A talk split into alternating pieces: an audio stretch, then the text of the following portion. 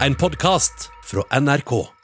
En konspirasjon er en sammensvergelse eller komplott. Dette er mennesker som finner sammen fordi de tror på en teori, som ofte har store mangler, og som er innvikla og omfattende fordi at den nettopp undertrykker sannheten. Og dette gjør de for å vise at det som er galt i verden, er på grunn av mektige grupper av mennesker som har en skjult agenda. Egon Hagen, hvorfor tror folk på elleville konspirasjonsteorier? Nei, Du kan så si. Jeg har stilt meg spørsmål mange ganger sjøl òg.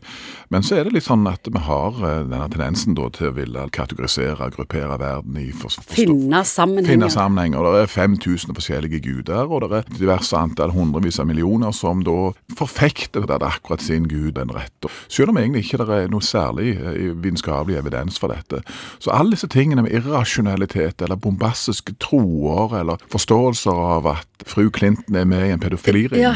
Det er litt av den samme ulla. Plasser din egen overbevisning på en eller annen kantete teori, og så tenker du at sånn, sånn er verden. Andre teorier som er veldig kjente, er at USA sjøl sto bak terroren 11.9., og at månelandingen aldri skjedde. At jødeutrydningen aldri skjedde, og at det nye 5G-nettet det er det som har skyld i koronaen.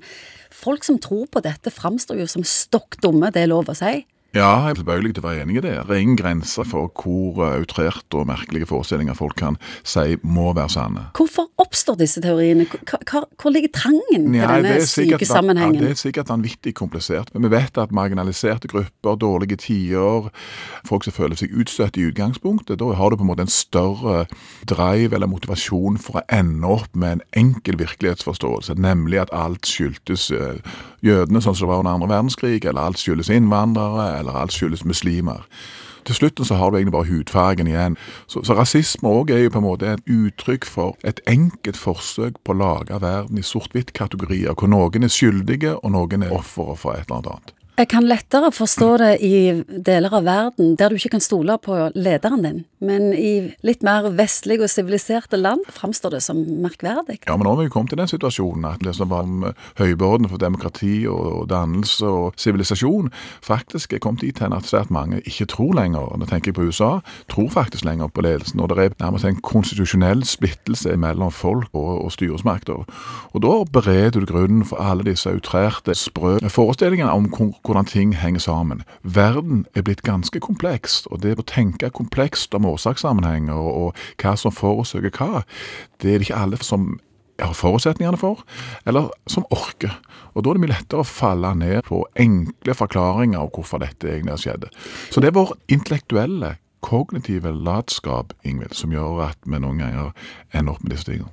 Men det må være andre personlighetstrekk som, eh, som de har, de som konspirerer i Du kan sikkert finne noen som er smarte der òg, men det tror jeg faktisk er et lite mindretall. Så jeg tror jo mindre forutsetninger du har for å forstå komplekse samfunnssammenhenger, jo lettere er det selvfølgelig å ty til outrerte, enkle, svart-hvitt-aktige forklaringer av hvordan denne verden er skrudd sammen. Jeg har tenkt de må, de må føle på en trang til å ha en viss kontroll, og at de må være paranoide.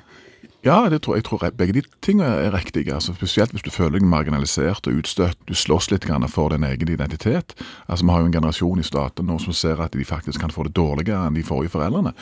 Da bereder dette grunnen egentlig for både å føle seg utfordra, trua, redde, og så er liksom svaret da ofte utrolig enkle, naive forestillinger.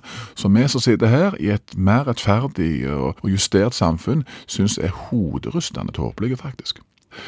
Og klart at Hvis du da er helt bestemt på at vaksine for eksempel, at det er noe som staten har sendt ut for å holde folk nede, eller munnbind er et forsøk på å ivareta din konstitusjonelle frihet, så kan du kanskje oppdage at det er noen som ble dårligere av vaksinen. og Dermed har du da fått bekreftet at den hypotesen de faktisk var sann.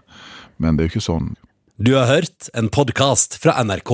Hør flere podkaster og din favorittkanal i appen NRK Radio.